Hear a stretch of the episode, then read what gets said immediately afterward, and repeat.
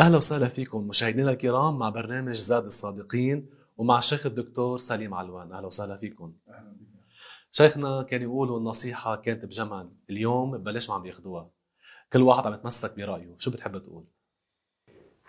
بسم الله الرحمن الرحيم. الحمد لله ثم الحمد لله وصلى الله وسلم وبارك على سيدنا المصطفى رسول الله وآله وصحبه ومن والاه. أسأل الله أن يكرمنا بالإخلاص. آمين. أما بعد من شأن المسلم الصالح من شأن المسلم المحب للخير ولسلوك درب الصالحين أن يقبل النصيحة. من أي جهة كانت؟ من كبير من صغير من فقير من غني إنما هو يريد أن يعمل بهذه النصيحة لأنها توافق الشريعة لأنها نصيحة فيها خير لأنها نصيحة تنفعه إن عمل بها في دينه وفي دنياه.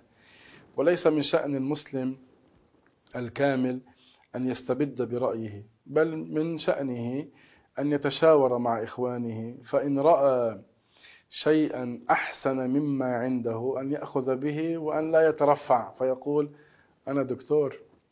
والذي نصحني ليس دكتورا. أنا مشهور بيطلع على التلفزيون ذاك ما بيطلع على التلفزيون. كيف بدي أقبل منه؟ أنا ابن فلان هديك ابن مين؟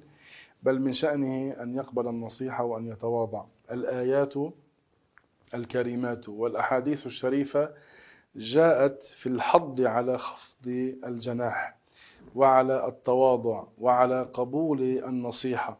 هذا من شأن المسلم الصالح. أينما وجد الخير يلتقطه كما جاء في بعض الأحاديث الحكمة ضالة المؤمن. أينما وجدها التقطها. هكذا ينبغي منا جميعا أن نعمل بهذا الحديث الشريف وبأحاديث أخرى حضنا فيها النبي صلى الله عليه وسلم على قبول النصيحة التي تدعو إلى الخير التي في تطبيقها نفع لنا في ديننا ودنيانا وأن لا نترفع عن قبول نصيحة الآخرين. شيخنا في عنا المدرس مع المدرس المدرس مع طالب العلم وطالب العلم مع طالب العلم. كيف بيتم التناصح بين الكل؟ ما دامت النية خالصة لوجه الله الكريم وهذا هو مراد الناصح فمن أي جهة جاءت؟ من الطالب أم من الأستاذ؟ أو من الأساتذة من قبل بعضهم البعض؟ الذي يريد رضا الله سبحانه وتعالى يقبل هذه النصيحة. معناه الطالب لو نصح أستاذه الأستاذ لا ينبغي أن يترفع لا ينبغي أن يقول أنا شيخ أنا أستاذ أنا مدرس أما أنت طالب كيف تتكلم معي أو كيف تنصحني؟ بل يقول لعل في كلام هذا الطالب شيء أنا ما كنت أعرفه خفي علي لعل في هذا خير. فيفكر فإن وجد أن ما قاله الطالب هو أنفع مما قال هذا الأستاذ ينبغي منه أن يأخذ بما قال الطالب وأن لا يترفع. وكذلك بين الأساتذة بين بعضهم البعض. لا يقول هذا الأستاذ هذا قريني وهذا يغار مني وبيننا وبيننا بيننا وبينه حسد أو ما شابه ذلك من أمور الدنيا فكيف أقبل منه النصيحة؟ بل ينظر إلى نوع هذه النصيحة. ما هي هذه النصيحة؟ فيها خير؟ رأيه أحسن من رأيي؟ فيها نفع للمجتمع؟ فيها نفع لي؟ وما شابه ذلك؟ هذا هو المقياس. ولكن الواقع أن كثيرين من الناس لا يعملون بهذا. أسأل الله أن أكون أنا عاملا بهذا كذلك لأن كثيرا من الناس تحركهم حظوظ أنفسهم. حظ النفس. كيف أنا بدي أقبل منه؟ هو فلان.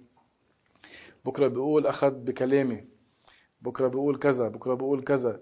فتحركه نفسه فتمنعه عن قبول النصيحة التي هي أنفع مما هو كان عليه. فلذلك هو الحل في هذا واضح وسهل لكن تطبيقه يحتاج إلى مجاهدة نفس ألا وهو سلوك درب الصالحين. العمل بما يرضي الله العمل للآخرة العمل بما ينفعنا في ديننا وفي دنيانا. أي مانع إذا الواحد منا رأى من أخيه سواء كان صغيرا أم كبيرا مشهورا أم غير مشهور معه شهادة دكتوراه أم ليس معه أن ينصحه نصيحة.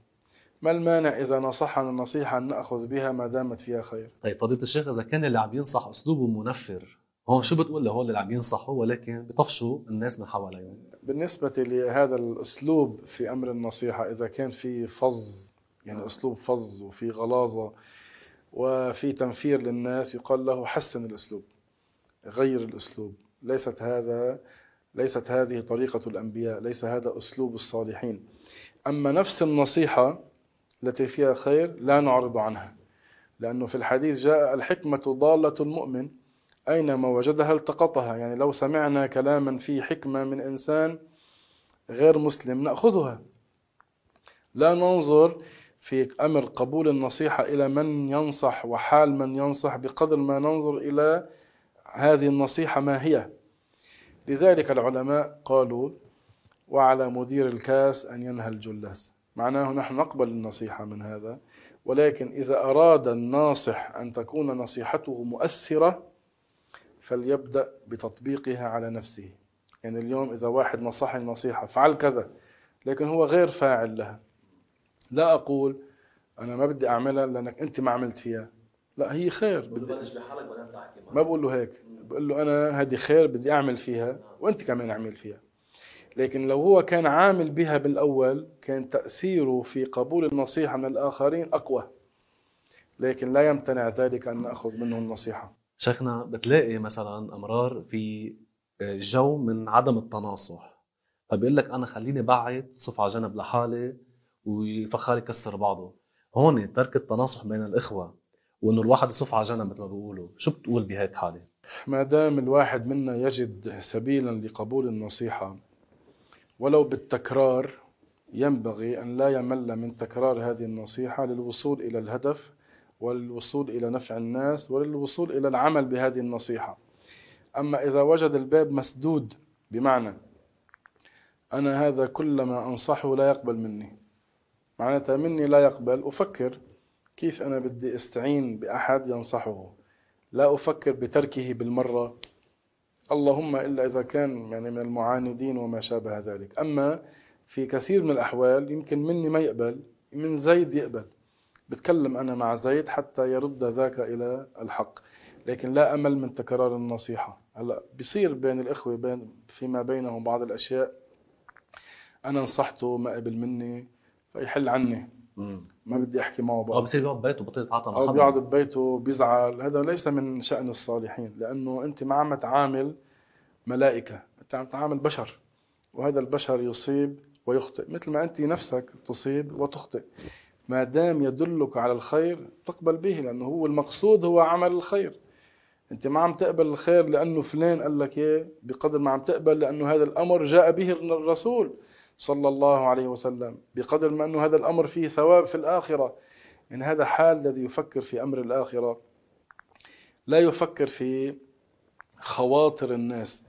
هذا شأن الصالحين. نسأل الله تعالى أن يجعلنا منهم إن شاء الله. إن شاء الله. شيخنا بنلاقي بمجالس أصحاب عند بعضهم آه، زيارات عائلية بيصير في مجالس وأحاديث. أحيانا بالأحاديث بتكون فيها انتقادات. أحيانا النقد بتحول للشيء الهدام. كيف نميز بين النصيحة النافعة الهادفة وبين الكلام اللي حسب ظاهر بفكروه نصيحة ولكن هو نقد هدام؟ النصيحة تكون في محلها.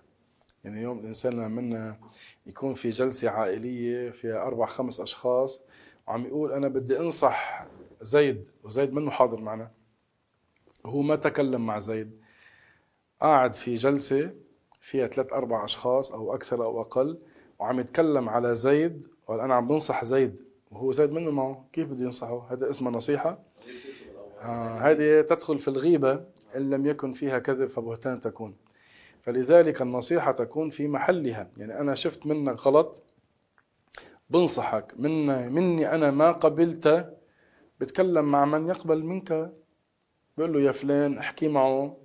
رده إلى الحق لأنه أنا بحب له الخير وبحب له النجاة يوم القيامة. هذا هو الطريق الصحيح.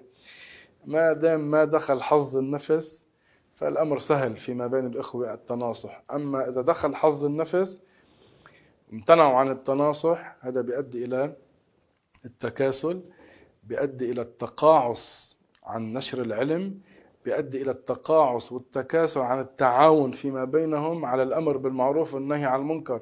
هذا شيء لا يحبه الله سبحانه وتعالى. فروق نفسك وهدئ من أعصابك واستحضر أنك تريد رضا الله سبحانه وتعالى. لا تنظر إلى حظ نفسك بقدر ما تنظر إلى هذه النصيحة وما تحويه. الله تعالى يقول وتعاونوا على البر والتقوى بهذه الآية مشاهدينا الكرام نختتم هذه الحلقة. شكرا لكم وإلى اللقاء.